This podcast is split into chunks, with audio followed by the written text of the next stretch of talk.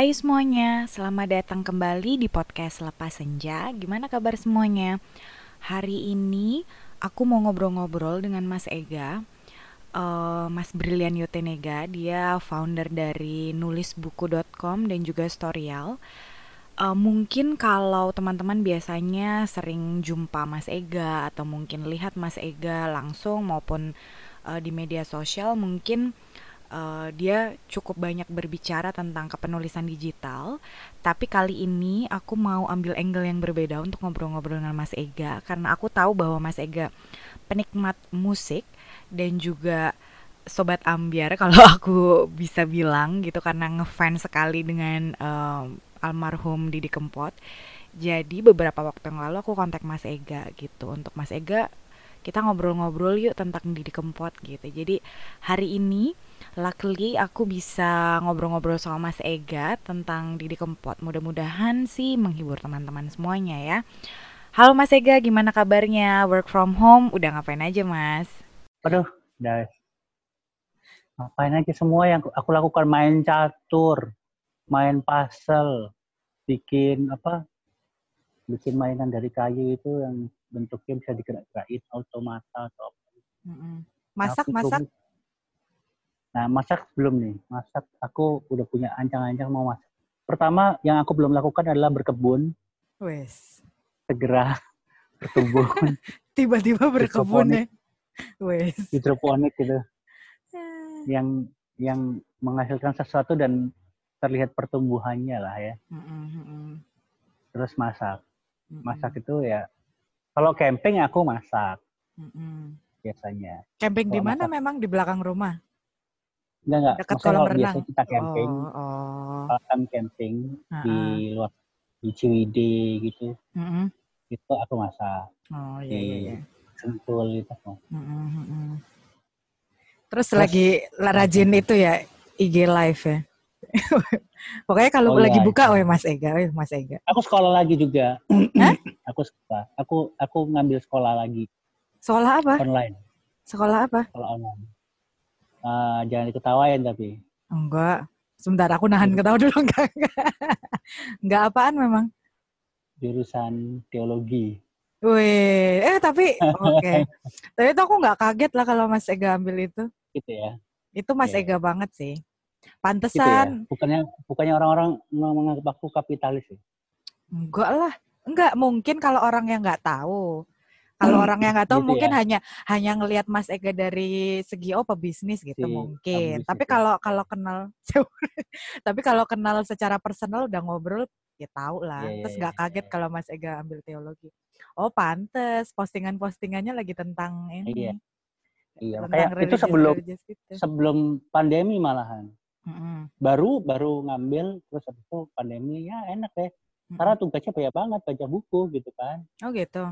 Itu apa modelnya kuliah online? Memang ada gelarnya atau online, misal kayak ada. workshop gitu, Mas? Uh, aku nggak ngambil yang ada gelarnya, tapi materinya sama dengan yang satu. Hmm, terus dosennya pengajarnya atau, banyak gitu? Iya, tapi hmm. via online. Jadi korespondensi lah istilahnya. Hmm. Bisa lewat hmm, hmm. email, bisa lewat WhatsApp.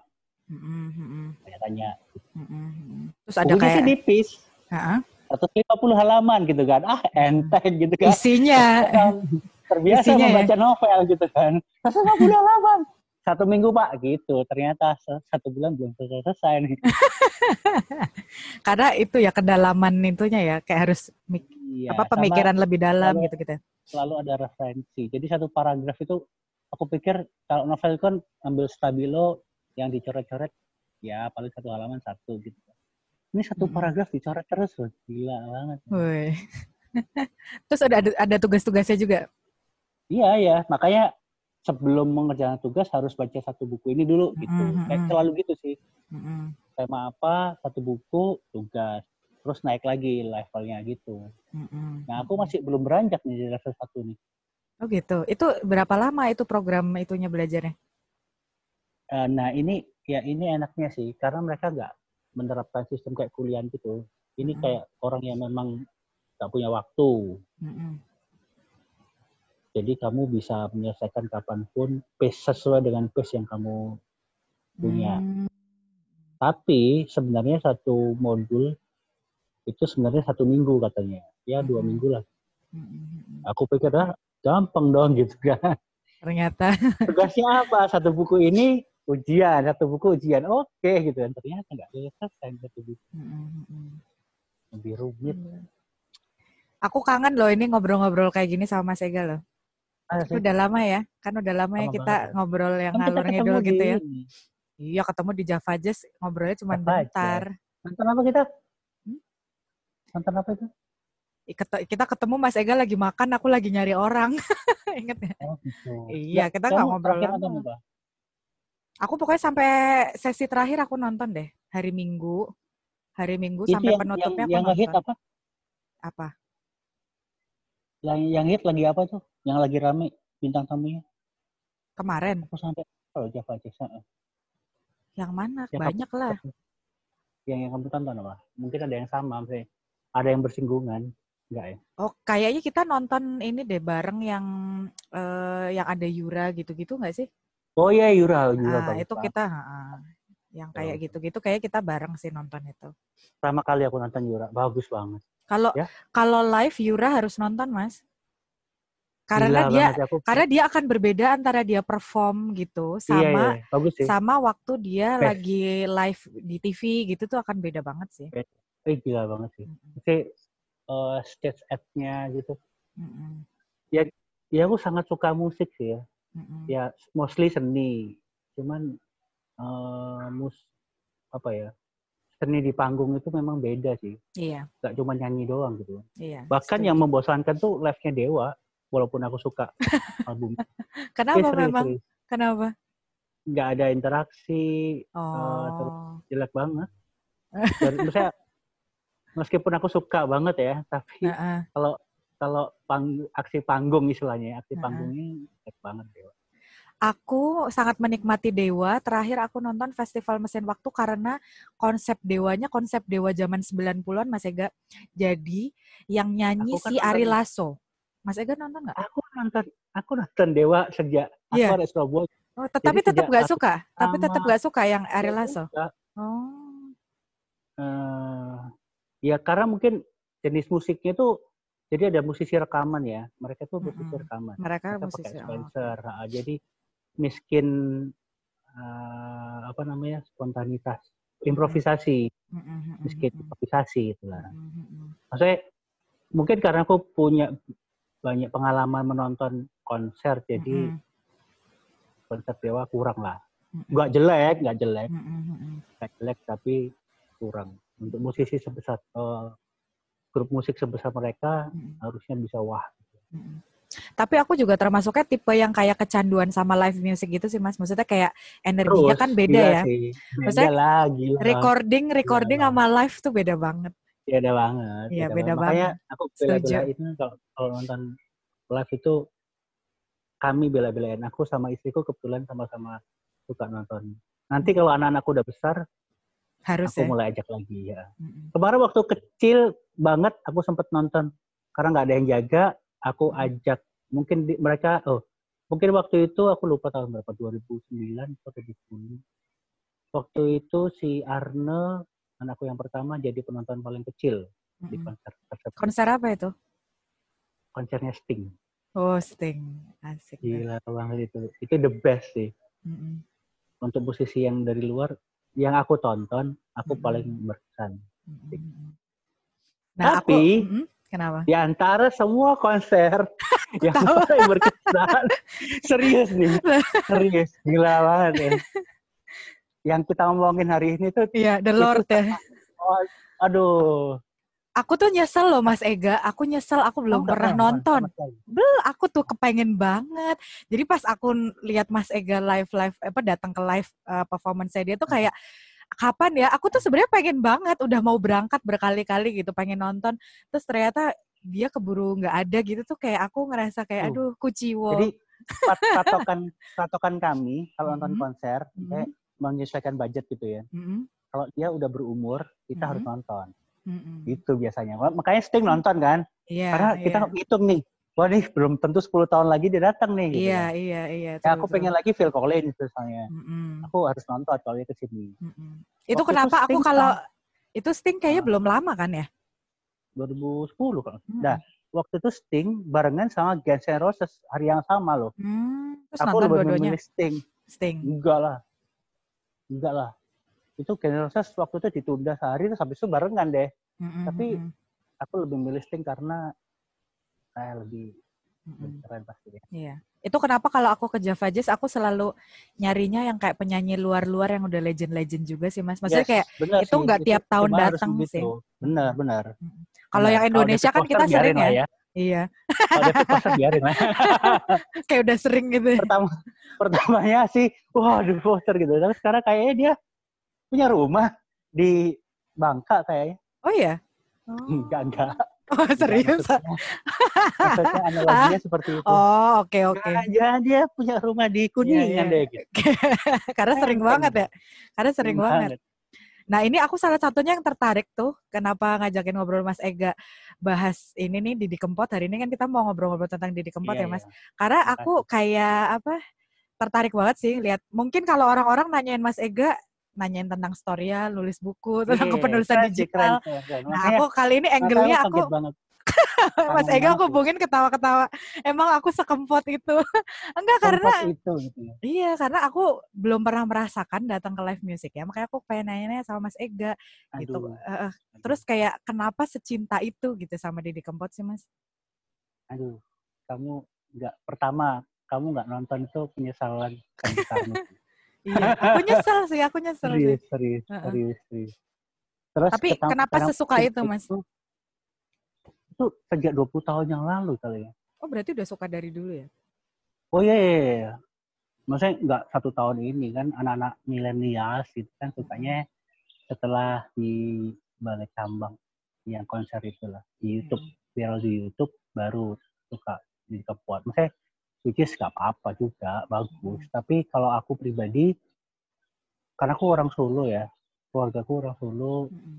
setiap kali uh, ya lagu Jawa lah lagu Jawa itu tidak bukan hal yang asik aku bagi hmm. papa terutama hmm.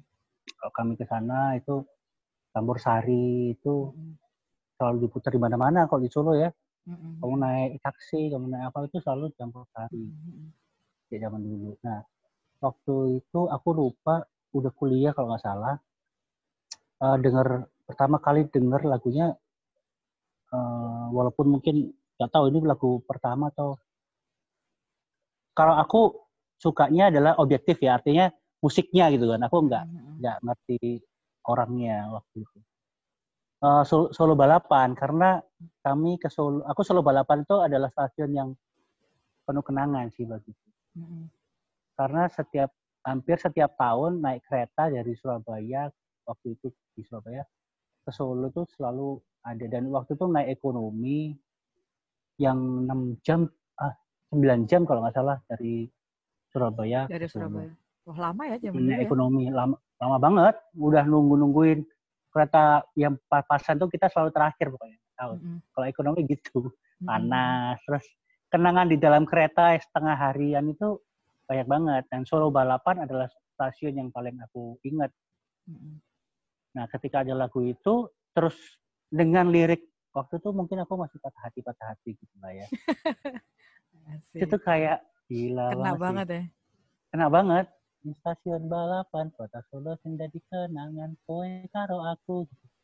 Itu wow gitu kan.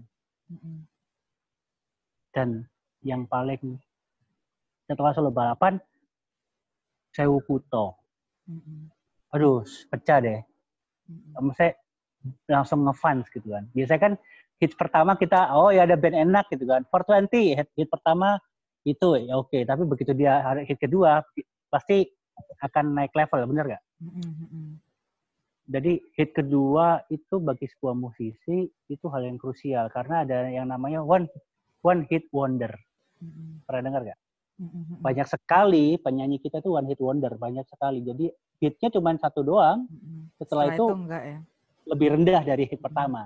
Mm-hmm. Oke, okay, tapi biasanya lebih rendah dari hit pertama. Nah, itu disebut one hit wonder. Misalnya uh, yang nyanyi Natalie Imbruglia. Mm-hmm.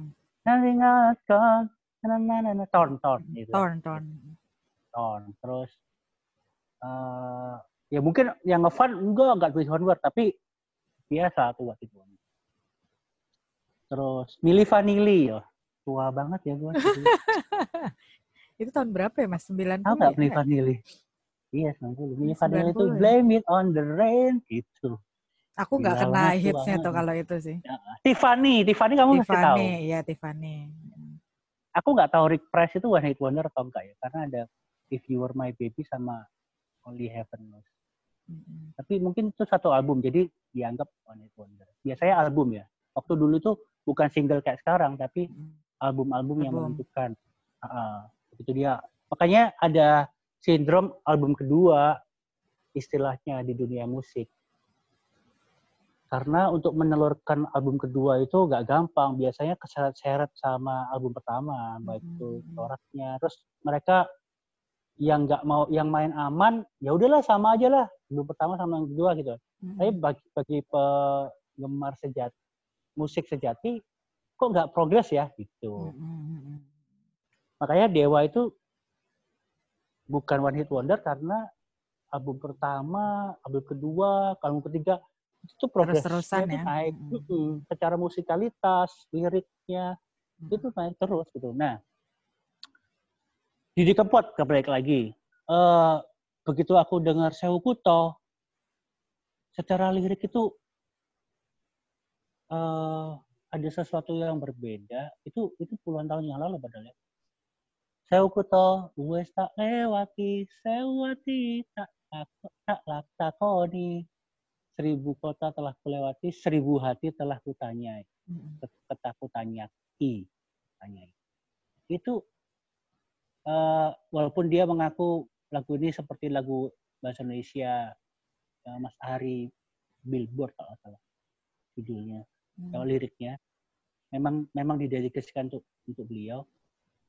Uh, tahu, kamu tahu kan? Sewu Kota itu tahu, ada lagu tahu. Oh. Indonesia. Nah, Oh lagu Sewu Kuto yang versi Indonesia? Aku nggak uh, tahu tuh, aku nggak tahu. Versi Indonesia dulu. Hmm, Terus dia baru bikin yang dia bikin kan? lagu Jawa uh, Sewu Kutonya. Tapi aku nggak tahu liriknya tepat persis atau enggak. Cuman dia uh, Mas Didi bilang kalau Pak Didi bilang kalau itu memang didedikasikan untuk Hari Billboard. Hmm. Saat tenane aku itu tuh liriknya benar-benar kalau orang nggak patah hati, nggak pernah patah hmm. hati, aku nggak yakin dia hmm. bisa menulis merasakan ya menulis lirik sedalam itu hmm. Dengan intonasi sedalam itu. Meskipun aku pengen bisa menulis gitu kan, hmm. tapi aku nggak, aku juga aku bisa belajar. Tapi kalau meskipun aku bisa nulis lagu atau not, not, notasi, pengen bisa bikin lagu dengan nada-nada yang pas dengan liriknya, aku mungkin nggak bisa karena aku mungkin nggak berbakat di situ hmm. ngerti ya maksudnya hmm. kalau nulis puitis lirik aku beberapa kali menulis walaupun menurutku aku belum maksimal untuk menulis lagu ya tapi aku mungkin bisa ya tapi kalau menciptakan lagu dengan nada dan lirik yang pas itu tuh gak gampang yeah. makanya diberkatilah orang-orang seperti Yofi Widianto hmm. terus eros itu tuh anugerah sih hmm. aku aku yakin terus mas Pak Deddy di Kempot hmm. itu nggak cuma bisa dipelajari itu harus dijalani sih itu hmm. dialami gitu jadi sama seperti main teater bilang main teater bisa dipelajari gitu tapi orang yang ngerti bagaimana dia berperan itu kayak akumulasi dari puluhan hidupnya yang tercerminkan dari uh, bercerminkan dari waktu, waktu dia berakting gitu kan. Jadi itu nggak hmm. nggak cuma teori. Iya, itu experience ya.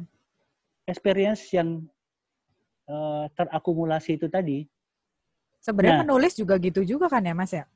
Aku setuju. Iya. Dalam semua seni, aku semua seni. dalam semua seni harusnya begitu. Cuman kan hmm. agak sulit ya kalau ngomong sama orang-orang yang rasional, semuanya harus eh, itu nggak masuk akal gitu kan. Ya Jadi ngomongnya yang, yang harus feel-nya yang seniman juga ah, sih uh, uh, harus baru baru baru, baru nangkep maksudku. Mm -hmm. Aku tahu segala sesuatu bisa dipelajari. Tapi kalau jadi gini, kalau kamu punya bakat, punya guru yang baik, itu hmm. the best, best hmm. combination. Tapi kalau kamu cuma punya guru yang baik, tapi gak punya bakat, ya cuma jadi artis yang bagus gitu. Setuju, tapi kalau kedua-duanya itu tuh gila. Nah, kalau kita ngerti seni, kita akan lihat segala sesuatu seni, kita bisa melihat itu bahwa orang ini berbakat dan dia belajar. Atau bakat doang tapi nggak punya guru, nggak bisa nggak bisa nggak mau belajar, ya disayangkan, sangat disayangkan. Mm-hmm. Ya kan? Itu tadi kembali ke Pak Didi di Kompot. Itu pengalaman hidupnya pasti luar biasa. Aku nggak per, nggak perlu nggak perlu membaca biografinya deh. Mm-hmm. Terasa ya di karya-karyanya Mas ya. Uh, dan itu bukan cuma itu ya aku pertama saya Kuto.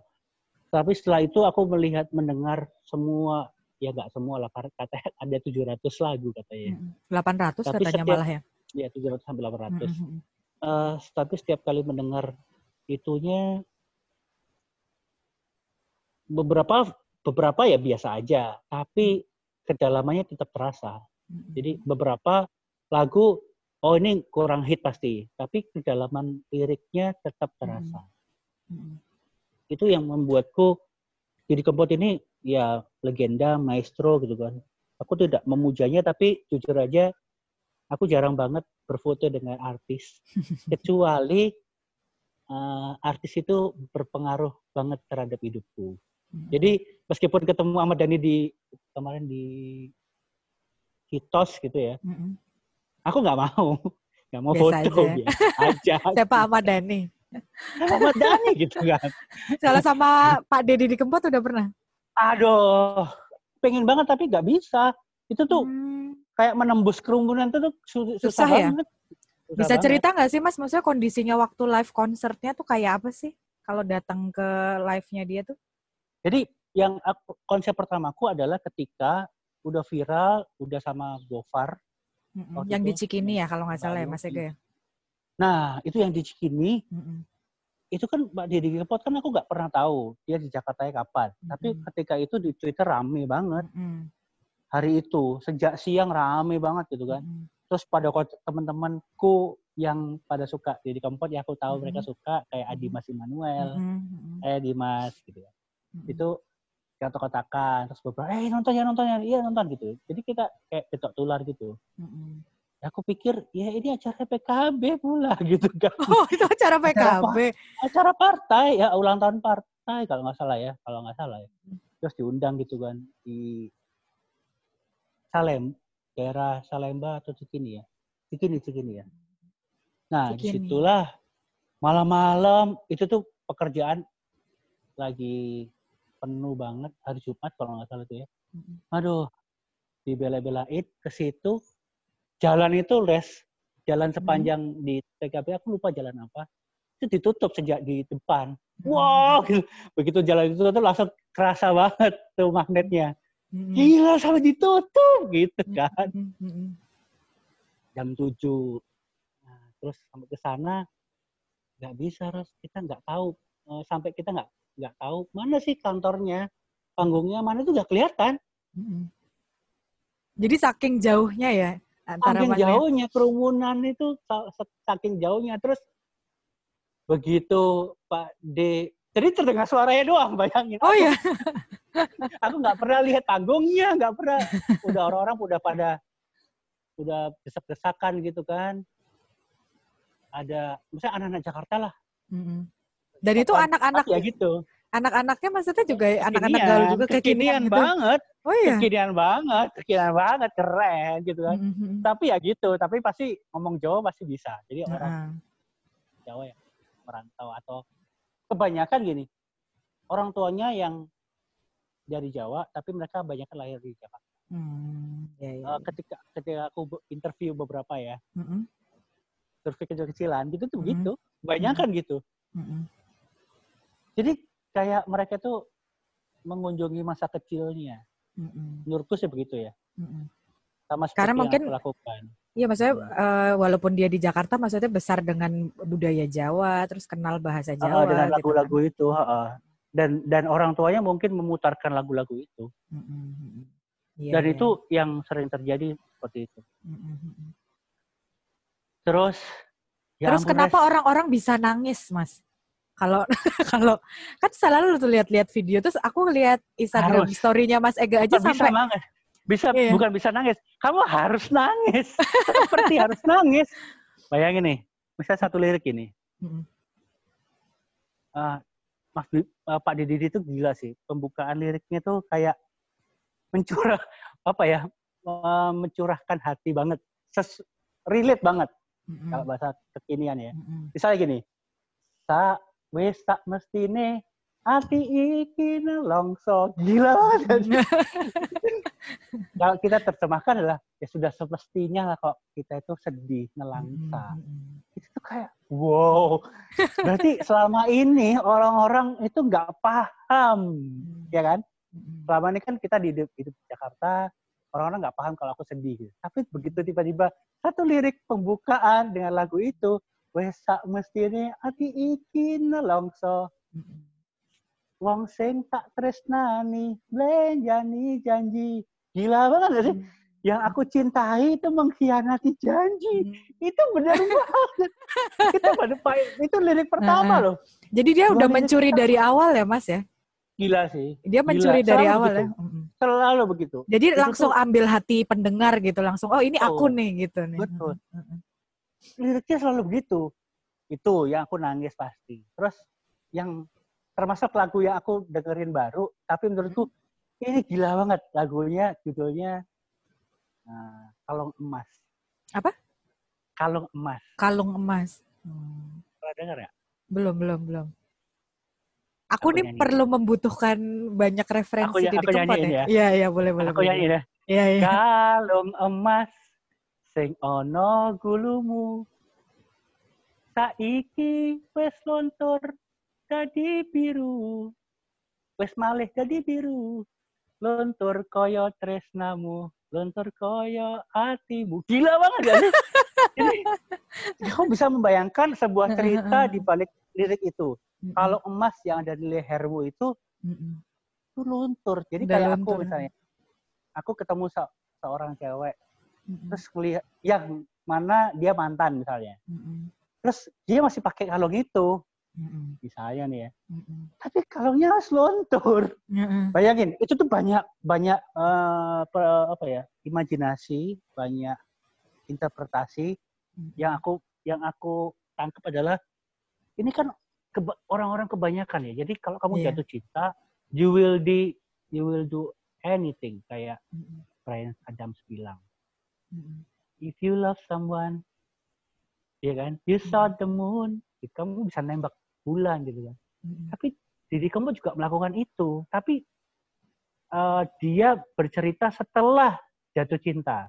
Hmm. Setelah dia melakukan itu. Jadi ini adalah perayaan patah hati beneran. Hmm. Jadi dia dia tidak dia ngomongin tentang cinta tapi tidak menulis cinta pada saat dia jatuh cinta, tapi setelahnya dan itu biasanya yang cinta-cinta yang berakhir pahit. Nah, balik lagi ke, ke kalung emas tadi. Kalung emas itu dia pernah berusaha bersusah payah sampai ngamen. Ini ini interpretasiku sendiri ya. Mm-hmm, mm-hmm. Sampai ngamen dan sebagainya terus akhirnya bisa beli kalung. Mm-hmm. Dia pengen memberikan yang terbaik. Tapi kalau emas yang seperti apa? Sesuai dengan budget. Kalau emas yang luntur. Luntur. Lah, yang paling murah lah. Tapi itu imitasi itu gitu kali ya. I can, uh, itu yang semua yang aku punya. Nah, kasihkanlah ke dia ke pacarnya gitu kan mm-hmm. tapi setelah perjalanan, perjalanan waktu kisahnya kandas mm-hmm. kalau yang masih dipakai tapi udah luntur ya, aku bayangin kok ikut sedih diceritain nah, nah kayak gitu kayak luntur koyo tresnamu luntur koyo timu itu tuh kayak gila banget kok bisa ya nulis kayak gitu ya gitu. Mm-hmm. itu tuh ajaib sih yes. mm-hmm. itu ajaib itu yang membuatku indah juga nggak sih kata-katanya yang terus analogi yang dia ambil gitu ya? Betul, betul. Uh -uh. Jadi uh, tidak uh, salah satu aku kalau lagu kan selalu memperhatikan lirik ya. Uh -huh. Pertama kan adanya harus liriknya, pas atau enggak gitu. Ada lagu yang bagus, lucu, tapi menurutku nggak indah, tapi lucu. Uh -huh. Lagunya Armanda misalnya. Uh -huh. lagunya Armada. Aku juga yang mana? Uh, selimut tetangga itu gimana? Nggak tahu aku. Oh selimut tetangga. Oh, mana mungkin oh, selimut, selimut tetangga. tetangga. Oh aku tahu.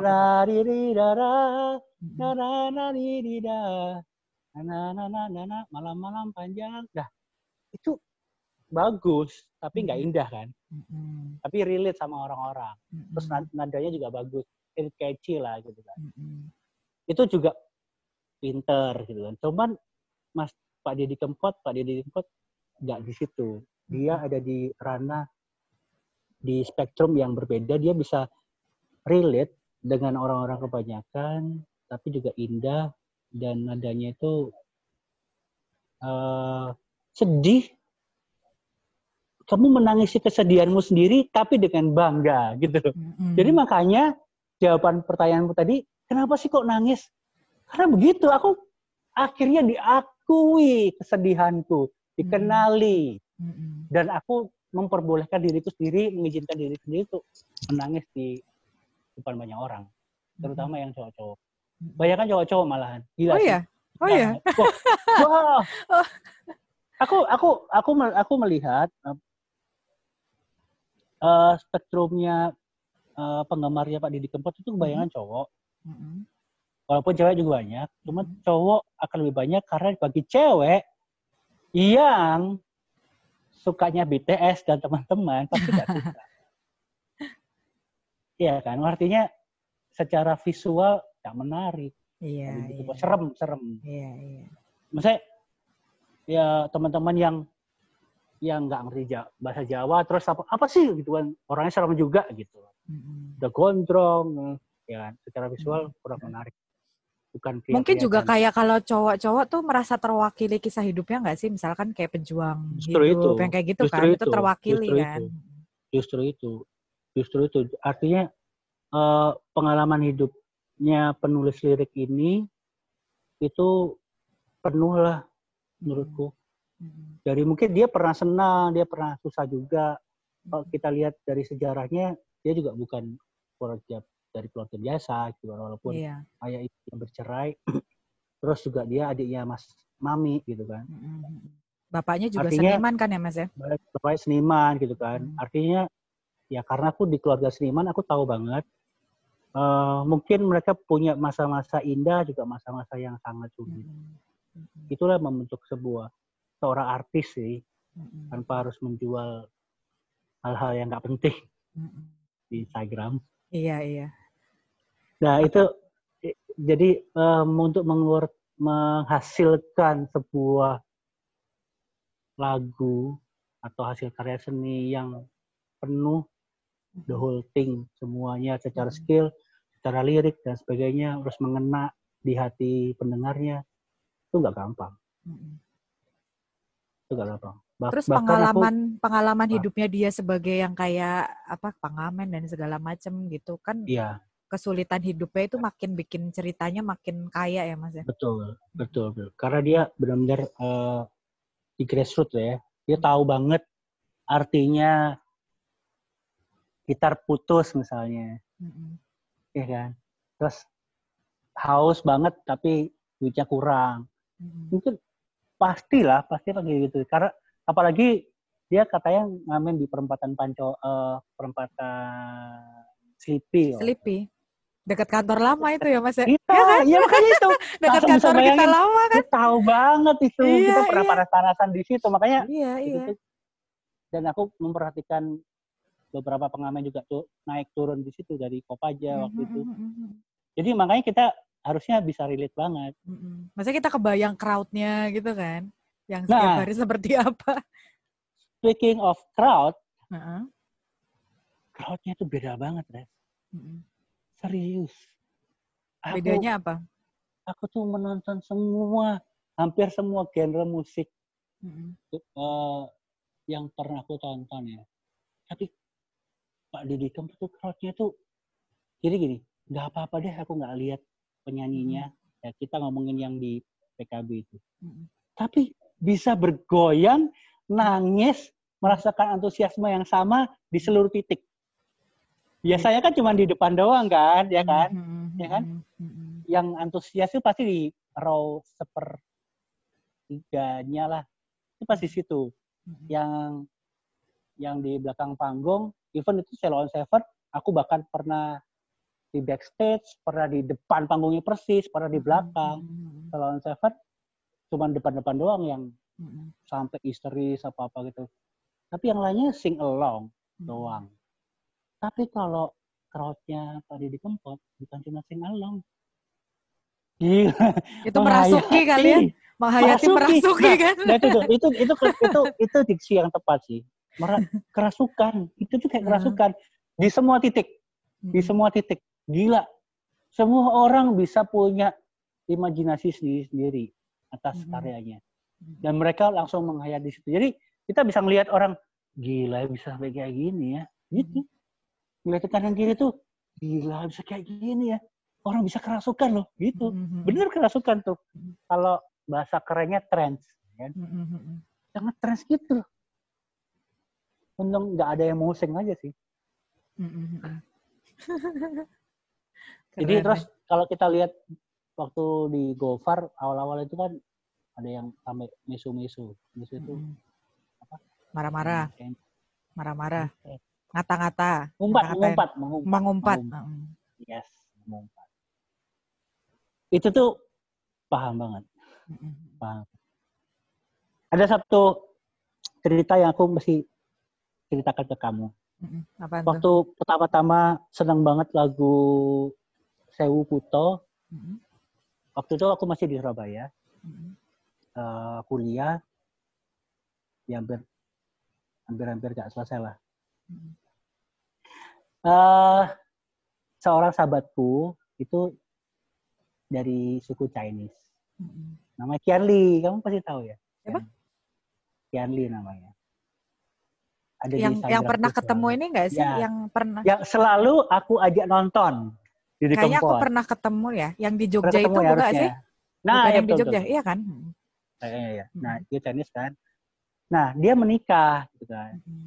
Menikah kamu tahu kalau di Surabaya itu pernikahan mereka tuh ya selalu nuansanya pasti Mandarin gitu kan.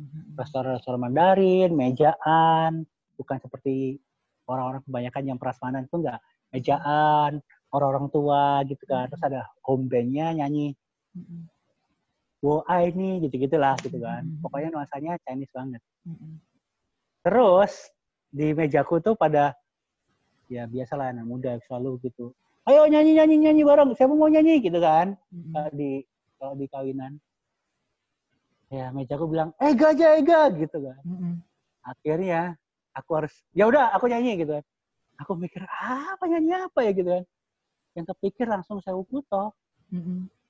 pas lagi patah hati ya lagi patah hati gue gak sih di kawinan di kawinan aku nyanyi saya puto tahun berapa tuh 2000-an 2001. Nah, nyanyilah aku tahu ku tahu, saya ku tahu, wes tak lewat. Lilo aku lilo, ya omong siji, jadi panyuwon. Ini lirik yang aku paling suka. Uh, sak tenane aku pengen ketemu ya. Sak tenane aku pengen ketemu ya. Gimana sih liriknya? Ya pokoknya gitu. Mm-hmm. Sebenarnya aku benar-benar pengen ketemu. Mm-hmm. Tapi kalaupun nggak bisa pun, sekedip mata pun aku mau. Mm-hmm. Nah, misalnya kalau kamu bahagia, aku rela. Itu liriknya. Waduh, dalam banget. Aku nyanyikan itu mm-hmm. di kawinan, kawinan sahabatku.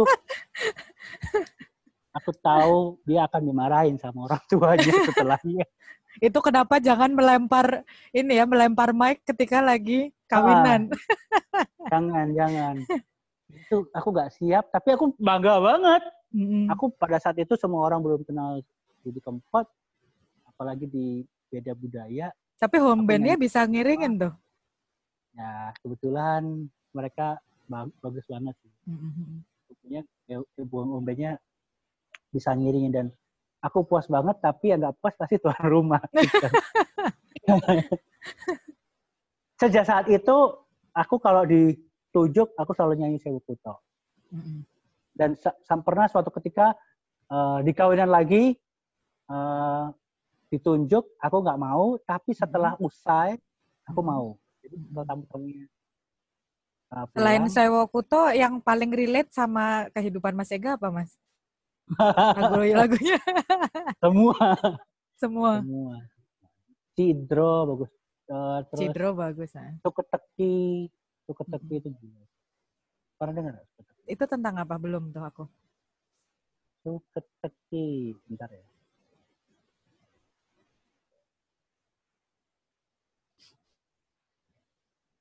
Wah, ini keren banget, Res. Ini nih, nih, dia selalu mencuri nah, di, di di awal ya. Lirik-lirik awal loh, gila banget ya. Judulnya uh, liriknya gini. Aku tak sengalah terima mundur timbang loro ati. Gila gak sih? Uh-uh. Aku aku aku yang ngalah aja deh. Yang ngalah aja aku mundur lebih baik, gitu ya. Lebih baik mundur daripada sakit hati. Hmm. Tak oh ya oh wong kowe wis lali ora bakal balik. Aduh. Aku kejar banget pun kamu toh gak akan kamu kembali. Udah lupa. Hmm. Toh kamu juga udah lupa gitu kan. Hmm. Kamu nggak bakal balik. Paribasan awak urip karibalung lilo tak lakoni. Ya udahlah. Hidup cuman tinggal tulang aja. Rela pun aku aku lakukan gitu kan. Hmm. Jebule janjimu, jebule sumpahmu, Rabiso di kuku. Ternyata janjimu, ternyata sumpahmu itu nggak bisa diharapkan. Nggak bisa diharapkan. Terus ini nih, ini ya kalau kamu lihat konsernya, hmm. selalu orang-orang teriak, selalu orang-orang emosi memuncak nih. Hmm. Wong salah, ora gelem aku salah. Suwe suwe sopo wonge sing betah. Orang salah gak pernah gak aku salah. salah siapa yang betah gitu kan. Hmm. Peripat tuh wes ngerti sak nyatanya. Jadi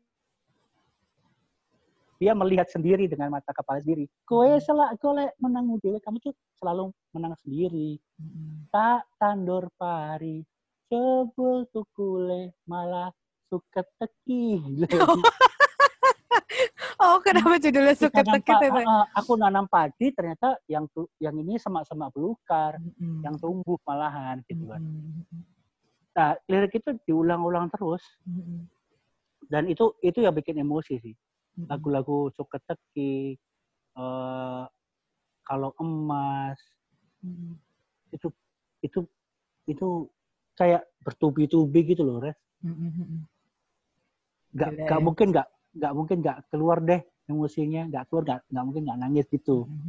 Tapi dengan joget kan sih? Itu kayak iya ya kayak kontradiksi ya. Kayak kontradiksi kenapa tapi nano nano itu laris tuh kayak gitu? Uh, iya iya iya bagus bagus tuh itu analogi yang bagus sih iya ketawa sambil nangis itu itu beneran iya iya iya itu tuh iya. itu reveal reveal banget gitu. menyembuhkan banget dan setiap kali konser, aku kalau nggak salah tiga kali nonton konser. Mm-hmm. Ya Pak Haji, selalu lega. Antara capek, karena joget terus, nyanyi terus, teriak-teriak terus. Tapi terus, perasaan lega gitu ya? Perasaan lega juga. Terus punya banyak teman, deh. Aneh. Terakhir ya. Bisa ngobrol gitu sekali ya sama yang lain ya?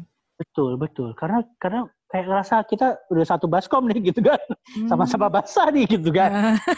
gue sama lu, gue sama lu sama-sama nangisan nih gitu. Sama-sama patah hati juga kan. Selalu, selalu dapat teman. Oh iya? Selalu dapat. Eh tapi ini menarik loh. Gak tuker-tukeran handphone ya. Cowok-cowok ini susah banget kan. Kalau uh, uh, uh, konser dapat teman. Uh, uh. Di Java aku gak susah pak dapat teman baru. Enggak, enggak, Tapi enggak. di, di, di Kempot selalu selalu dapat dapat temannya su se, se gimana sih maksudnya di deskripsi maksudnya di sana ngobrol kah atau memang habis itu yeah. bisa kontak-kontakan atau gimana nggak sampai gitu sih kalau cowok ya hmm. cuman pertama perasaan senasib sepenanggungan tuh sudah ada sejak kita ngantri loket ngantri ya ngantri tiket. Gitu tanpa harus ada pakai kaos sobat ambiar kita tahu oh, lu sama gue sama-sama ambiar nih gitu. Hmm karena datang di konser Ambiar ya. Uh, uh, uh, kita sama-sama ngerti pahit manisnya hidup nih gitu. Kayaknya bisa terbuka. Eh, kan? biasanya kita jaib karena kita nggak tahu apakah dia nggak pernah susah nih kayaknya gitu. Uh-uh. Anak orang kaya nih gitu. Uh-uh. Tapi kalau di sobat Anjar, di konser Anjar, kita nggak pernah nggak perlu ada prolog, kita langsung kita langsung klimaks gitu kan. oh, orang langsung gue tahu, gue tahu lo gitu. Nah, terakhir yang paling semua berkesan, tapi paling berkesan kalau satu yang aku lihat terakhir itu di kawasan paling elit di Jakarta. Oh, aku tahu SCBD. ya, iya, ya. Itu banget, Itu aku lumayan surprise juga sih, kayak di situ dia bisa bikin konser ya di Kempot. Di konser situ berkali-kali. Iya. Aku nonton sekali doang. Berkali-kali. Yang datang, yang datang aku pikir nonton ya udah lah ya, udah selesai lah ya. Mm-hmm. Enggak, ya datang banyak banyak juga aku sampai Maksudnya dari berbagai kalangan juga? Tentu saja, tentu mm-hmm. saja, tentu saja dan itu mm-hmm. termasuk mahal. Mm-hmm. Katanya ya di kalau di Solo itu bisa lima puluh ribuan gitu mm-hmm. nonton konsernya. Mm-hmm. Ketika di SCBD, mm-hmm. aku meremehkan sih waktu itu. Aduh, kok konser ambil lagi ya gitu kan? Ketika mm-hmm. sedang lelah gitu kan. Mm-hmm nonton ah kali ini kan tapi karena kantor waktu itu di situ di SCPD muter-muter ada spanduknya dan sebagainya apa nonton aja ya malam ini? Gitu. Jadi telat belinya. Aku tahu ada terus telat. Ya udah deh uh, pasti masih ada karena aku pikir perkiraanku nggak akan serami lagi lah orang orang udah capek ternyata aku salah. Tiketnya habis. Jam lima aku datang tiketnya udah habis. Padahal ya, waktu itu begitu. tiketnya di harganya pasti ratusan ya. Kalau udah, di situ. Udah tiga ratus ribuan paling murah. Tiga ratus ribuan paling murah. Ya udahlah.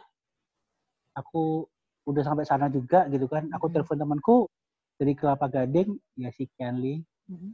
Udah jalan juga gitu kan. Ya udah aku terpaksa harus cari tiket melalui calo. Yang mana tiketnya naik dua kali lipat. Wow. tiket paling murah aku beli paling mahal. Mm-hmm. Ya udahlah beli dua gitu. Itu tiket di, di paling mahal yang pernah aku beli. Tapi situasinya Bentar. sama kayak waktu Mas Ega nonton di Cikini? Sama. Sama. Sama, Res. Ya ini lebih teratur lah. Lebih hmm. rapi. Mungkin karena berbayar juga gitu kan. Hmm. Tapi gila banget. Itu. Nah, bedanya ini berkonsep kan konsernya berkonsep. Konsepnya adalah Jawa pop Jawa gitu kan. Hmm. Panitia ini ini situasinya kita udah ngantri masuk akhirnya masuk. Masuk aku udah paling belakang gitu kan, paling belakang hmm. tiga perempat paling belakang gitulah. Nyuruh ke depan udah nggak bisa. Karena aku sebenarnya pengen paling depan banget, joget-joget sepuasnya. Tapi tetap nggak kesampaian.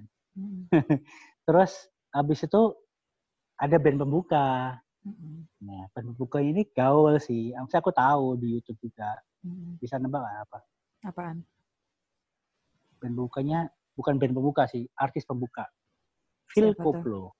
Oh. Kau pernah yeah. denger dong? Uh-huh. Kalau kita di Capa Jazz atau di acara-acara apa? Di WP, mm-hmm. mungkin ada Phil Koplo mm-hmm. ya. Dan yeah. itu jadi idola lah ya. Mm-hmm. Karena lagu-lagu jadul jadiin koplo, lagu-lagu mm -hmm. ngehit jadiin koplo gitu kan. Mm -hmm. Idola. Tapi di situ nggak masuk. hening, hening, ya? hening dan disuruh mm. turun. Oh ya, disuruh, ya ampun. Serius, suruh turun. Udah stop, stop, stop gitu. Ya ampun. Baru kali itu dia dia mati gaya. Uh -uh. Baru, baru kali itu mati gaya gitu kan. Aku nggak tahu waktu dilanjutin atau enggak. Tapi orang-orang udah cepetan di kemot di kemot gitu. Karena udah pada nunggu ya, maksudnya kayak nggak perlu ada band pembuka. betul, betul. Itu sih. Salahnya adalah setiap kali jeda itu ada buffer video, buffer lagunya uh, apa sampai lupa lagu jadi di keempat yang duduk lambi anyar seng nang jero lemariku. Tahu nggak lagu itu? Judulnya apa tuh? Kamu ini, ini gila banget nih. Lirik pertamanya lagi ya. Iya. Duduk anyar sing nang jero lemariku. Nanging bojo anyar sing mbok pameri neng aku. Gila gak sih gila banget itu lirik jenius gitu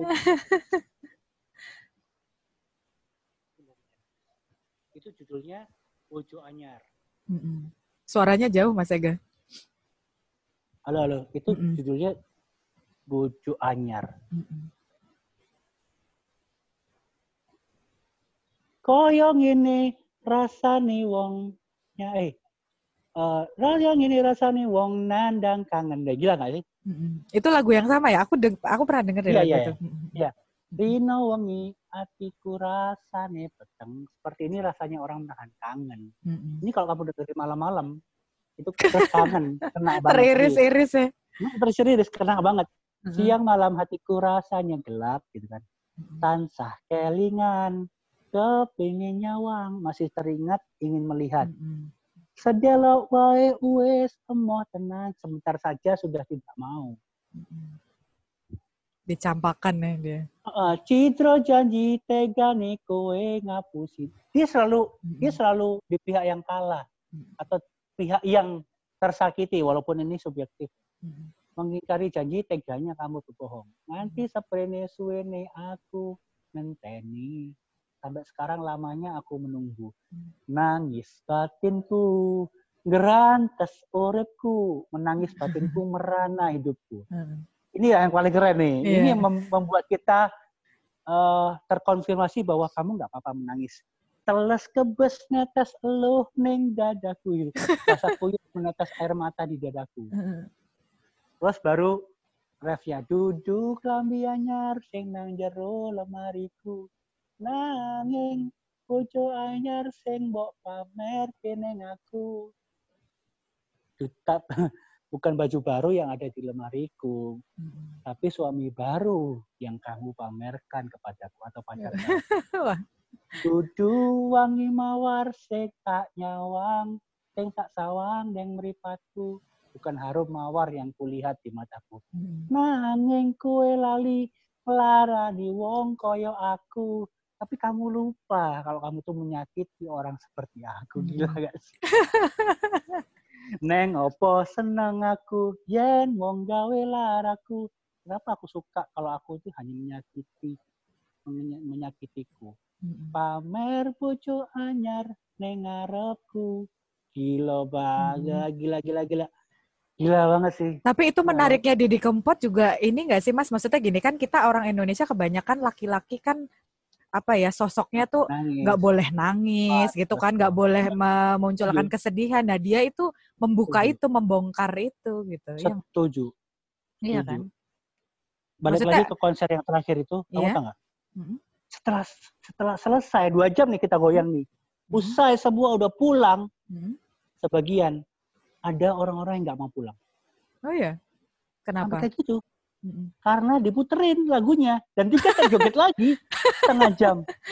Gak ada orang, nanti gak ada penyanyinya, joget lagi. Gitu. Joget-joget terus sampai ketawa-ketawa, sampai kepinggal-pinggal, dosor-dosor gitu. Kayak gitu. Itulah ya aku bilang kita ketemu sahabat baru di situ. Rangkulan, cowok-cowok. Goblok banget guys itu. Kalau aku ngeliat videonya, ada videonya sih goblok banget sih orang-orang. Itu kenangan orang banget ya. ya. Jadi Mas Ega termasuk orang yang 30 menit termasuk. itu ekstra joget. Iya, iya dong. iya dong. Kita yang menginisiasi. Karena kita kayak kurang gitu padahal padahal kita udah nyanyiin tadi. Nyanyiin lagunya. Dan kita pengen mengulang dan lagi. padi di kempatnya juga udah nggak ada ya? Udah nggak ada. Sampai diusir-usir. Sampai diusir-usir. Aduh. Di orang jadi manusia bodoh banget sih. Tapi setelah kejadian kemarin Pak D Sedo, mm-hmm. kebodohan itu jadi hal yang berharga. Mm-hmm. Tapi dalam banget loh aku ngelihat aku ngelihat Mas Ega nangis tuh di postingan Mas Ega itu sampai ya ampun, aku pengen nyanyi sebenarnya. Uh, uh, uh. Aku pengen nyanyi sebenarnya. Jadi aku nyanyi liriknya lagu apa itu? Uh, uh, wes udah terlanjur yang udah terlanjur Citro kalau salah. Aku mm-hmm. ntar ya aku nyanyi lagi Citro. Kamu nggak bakalan selesai kalau ngomongin oh kayaknya aku tahu nih Mas Ega pasti wah antusias nih kalau ngobrol ini. Iya karena lirik terutama lirik ya aku pengen ngomong tentang lirik itu itu tadi eh uh, liriknya itu membuat kita itu jadi kamu tahu nggak uh, seorang penulis mm -hmm. itu kalau membutuhkan kata-kata yang tepat itu mm -hmm. kayak dia harus masuk ke sumur yang dalam mm -hmm. sumur Setuju hati yang sih. paling dalam Setuju sih. nah ketika lirik-liriknya Pak B di Kempot itu kayak dia membantu kita dia udah lebih dalam nih masuk mm -hmm. ke sumurnya mm -hmm. membantu kita terus muncul dengan kata-kata yang ini kan iya hmm. gitu dan dia menemukan diksi-diksi yang iya apalagi dengan lirik yang bahasa Jawa itu kayak ya ini ini yang aku cari-cari dia membahasakan Suasana. apa ya membahasakan yang mungkin selama ini kayak kesakitan-kesakitan orang yang nggak terbahasakan gitu kan mm -mm. kayak di permukaan ya apa sih apa sih bedanya lagu cinta yang semua orang tulis dengan lagu-lagunya tuh dibuat enggak enggak. Beda beda beda. Hari di keempat udah masuk ke jurang yang paling dalam dan dia balik dengan lirik-lirik yang dia temukan dan kita iya ini itu. Maksudnya tidak hanya menggambarkan misalkan gini oh patah hati oh sakit hati. Nggak cuman kayak gitu kan tapi dia menggambarkan dengan enggak, kayak enggak, enggak, deskripsi situasinya tuh sampai detail gitu ya nggak? Mm -hmm. Iya kayak gitu jadi Gila banget ya. Mm-hmm. Loro atiku, atiku ke loro loro, rasane nganti nembus ing dodo. Gila gak sih?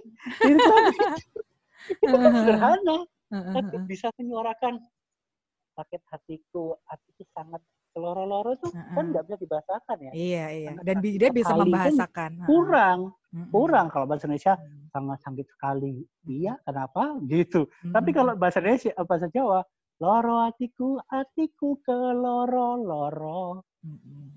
Wow, ke loro-loro itu. Ih, dari loro ya. Sana, nanti lembus nih dodo itu tuh kalau kamu patah hati kamu tahu apa ya? Uh-uh. Tapi memang itu hebatnya bahasa Jawa juga sih maksudnya kadang tuh ada layer yang nggak bisa terbahasakan. Yes, maksudnya yes. banyak nggak bisa uh, kan? nggak bisa dibahasakan yang, di Indonesia gitu. Memes memes yang yang sering beredar itu ketika kita membahasakan benda jatuh gitu kan. Mm-hmm. kalau bahasa Indonesia cuma jatuh. Iya. Kalau bahasa Jawa nggak bisa jatuh. Mm-hmm. ada glosor ada keblowo ada Iya tuh. Iya, ada iya. delongop, iya, ada nyungsep. Iya. Iya betul. Uh, uh. itu itu itu hal berbeda, no no no no. Iya, iya, iya. Jatuh seperti apa nih gitu? Iya, iya. enggak enggak. Jatuh seperti apa? Nah, jelungkup, iya. glosor, blood bladrak lah macam-macam lah. Jadi iya. bahasa tuh bunyi. Gitu. Iya bahasa tuh bunyi. Terus ada feel-nya atau beda ya? Ada feel-nya, beda mm -hmm. banget. Dan kita bisa ngerasain hmm. ada orang jelongop gitu kan. Kita bisa langsung. Iya. oh jatuh. Jatuh dari mana dulu gitu kan? Iya, ceplok ceplok mana dulu gitu. longsor nyungsep. Sampai wah gitu tuh. Iya iya iya setuju. Perbolanya itu gila banget. Iya. Kalau ketemu Pak Didi Kempot langsung mau ngomong apa sih mas sama beliau tuh? Kalau masih matur suwun. Matur suwun. Gila sih. Matur suwun sih Kapan ya? Maksudnya kayak kita nggak ngerti kapan ada di Kempot selanjutnya kan? Gila banget. Eh, ya ampun. Mas Ega. Tuh kan kita. Aduh, malah nangis. Ah, Aduh. Iya, matur suwun sih. Kata-kata yang tepat sih. Matur nuwun malah. Hmm. Kalau nggak yeah. ada di Kempot, mungkin aku nggak berani nangis di depan umum. Hmm. Nangis beneran loh ini kalau pendengar ya, podcast iya. lihat videonya nih nangis beneran loh. Gak masalah hati aku jangan. Pertanyaan terakhir nih Mas Ega, rekomendasi lagu apa sih kalau misalkan nih, kalau misalkan ada orang yang nggak pernah ngikutin lagu-lagunya Didi Kempot, terus kepengen mau mulai mengenal lagu-lagunya Didi Kempot gitu, atau mungkin yang paling apa ya punya strong sense gitu buat Mas Ega tuh lagu-lagunya di Kempot apa aja tuh playlistnya Mas? Pertanyaan susah sih sebenarnya. Itu serius itu pertanyaan susah karena semuanya setara gitu kan. Setara dalam hati the best semua. uh, sebentar. ada satu lagu yang yang bagus banget ya mm-hmm. secara musikalitas sama liriknya itu hmm, awalnya uh, aduh kok lupa dijadiin waktu cover uh, cover mm-hmm. waktu acara cover uh, yang kembang tebu ngabur kangenan Nah, oh, aku tahu Pantai lagu Layar. itu. Pantai aku Layar. tahu lagu itu. Pantai Layar, Pantai Layar judulnya. Itu tuh itu itu kayaknya dia lagu dia di tahun 90-an nggak sih, Mas? Iya, iya, Benar kan? Itu lagu lama kan? Nah, gila sih. Ya, menurutku lagu ini Pantai Layar. Aku nyebut lagu banyak ya. Bagus lah. Uh, liriknya begini. Tolong sawangan, gila gak sih? Tolong lihat gitu kan. Sawangan aku sing nandang rindu. Gila? Hmm. oh tulung mulio senajan sedelo aku wis lilo samar hati iki samar yang nganti kowe lali janji muning pantai layar samar hati iki samar yang nganti kowe tego ninggal aku ganti pacar Aduh. wow wow gila gak sih dalam ya dalam mm -hmm. dalam itu itu itu suatu yang aku rekomendasikan. Oh, hmm. kembang tebu bukan itu. Kembang tebu ada lagi. Bentar. Ini ini Irkeci Jalan Anyar judulnya. Hmm. Judulnya Jalan Anyar. Kembang tebu sing kabur kanginan saksi bisu sing dadi kenangan prasetyamu kuwi mung kiasan tresnamu saiki wis ilang ning dalan anyar kowe karo sapa aku ngerti dhewe ning ngarepe moto ning dalan anyar kowe karo sapa ning kulon terminal Kertonegoro Ngawi. Nah, mm-hmm. itu kalau di live mm-hmm. bisa bayangin kayak ning dalan anyar kue karo sopo? Marah. Kemarahannya keluar ya? nggak bisa marah karena waktu uh. itu dia sama pacarnya. Masa mm-hmm. aku ngabrak kan cowok gitu. Mm-hmm. jadi ada hal-hal yang tidak ter mm-hmm. bisa dilakukan tergambar di tergambar. ya. itu. Mm-hmm. aduh ya tuh semua lagu-lagu yang aku nyanyiin tuh rekomendasi deh. Ya Makasih Mas Ega rekomendasinya. Ih gila ya, ini kayaknya kita kalau podcast satu jam nggak cukup. Masa ini satu jam sih? Eh udah lebih. Hah, serius? Serius. Maaf ya. Gak kerasa. Eh nggak apa-apa, malah seru. Biasanya kita memang ngobrolnya sekitar satu jaman gitu. Tapi aku tahu kalau sama Mas Ega tuh pasti sebenarnya kita kalau ketemu lebih panjang ya Mas ya ngobrolnya. Oh, lebih panjang banget. Aku bisa semalaman. Aku kan pendiam. ah bohong. pendiam. Aduh, ih beneran nih kangen nih ngobrol-ngobrol kayak gini lagi. Next time ya. Setelah Next time ya. ya. Setelah pandemi nanti kita ketemu-ketemu yang, lagi. Yang aku baru tahu dari Resti mm -hmm. setelah sekian lama mengenal. Mm -hmm. Suaramu bagus loh, Gila Apaan? Aku tuh tadi nyanyi pede-pede aja, aku tahu ada yang fals tapi suaramu bagus. Ah, itu suara Serius. kamar mandi. Harusnya kamu bikin bikin cover-cover gitu atau kalau kamu bisa nulis lagu Serius, Res, yang banyak lah. Aku sebenarnya aku sebenarnya belajar menulis lagu, Mas Ega. Makanya dulu nah, aku bagus, ingat nggak? Aku aku kan dulu pernah waktu zaman uh, dulu tuh yang kita kerja bareng dulu, kan aku ya, pernah ya. izin sama Mas Ega kan, Mas aku keluar bentar ya, aku belajar belajar music arrangement gitu ikut oh, gitu. kelas Iga Masardi karena aku sebenarnya tertarik belajar oh, tertarik okay. belajar nulis nulis lagu gitu. Tapi ya, aku Ya, maksudnya iya.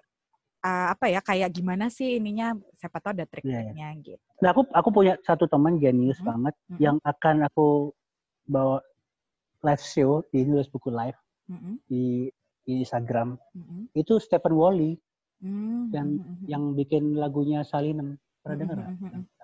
Aku, aku tahu namanya sih, maksudnya kan beberapa kali kayaknya Mas Ega pernah. Itu jenis, itu jenis. Ntar aku. Ya aku dengar lagunya, lagunya. Hmm, aku dorong dia untuk bikin kelas nulis lagu sih. Mau sih, mau aku ikut. Oh, sih Pak. Pasti seru kali ya. Itu nggak banyak sih. loh mas kelas-kelas kayak gitu. Makanya dulu waktu Iga Masar dibikin aku Tentu ikut. saja. Karena nggak banyak.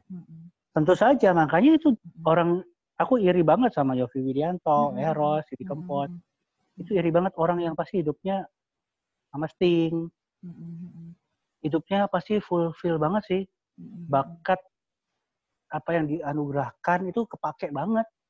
Terus bisa memberkati banyak orang. Itu nggak gampang res. Betul. Itu nggak cuma bakat. Itu tuh pengalaman hidup. Ya itu tadi analogiku nyemplung masuk ke dalam sumber yang dalam itu nggak semua orang mau. Dan biasanya seniman yang mau Iya. Tapi perlu sih Mas, justru apa sih kayak kita tuh makanya banyak seniman gitu ya. Kayak aku pun kalau kondisi happy tuh malah lebih susah berkarya gitu. Jadi aku setuju, recall setuju, aku recall kesedihan-kesedihan atau mungkin kesusahan-kesusahanku di masa lalu. Setuju. Nah, itu itulah kenapa uh, album-album pertama musisi-musisi itu terlalu bagus. Iya. Tapi Karena masa kedua, perjuangan ya. Yes, masa perjuangan. Hmm. Benar. Nah, tapi ya makanya yang bisa bikin album satu dua tiga empat lima itu tuh benar-benar dewa deh. Dewo, dewo. Maksudnya dewo. udah dewo, maksudnya udah ahli banget lah.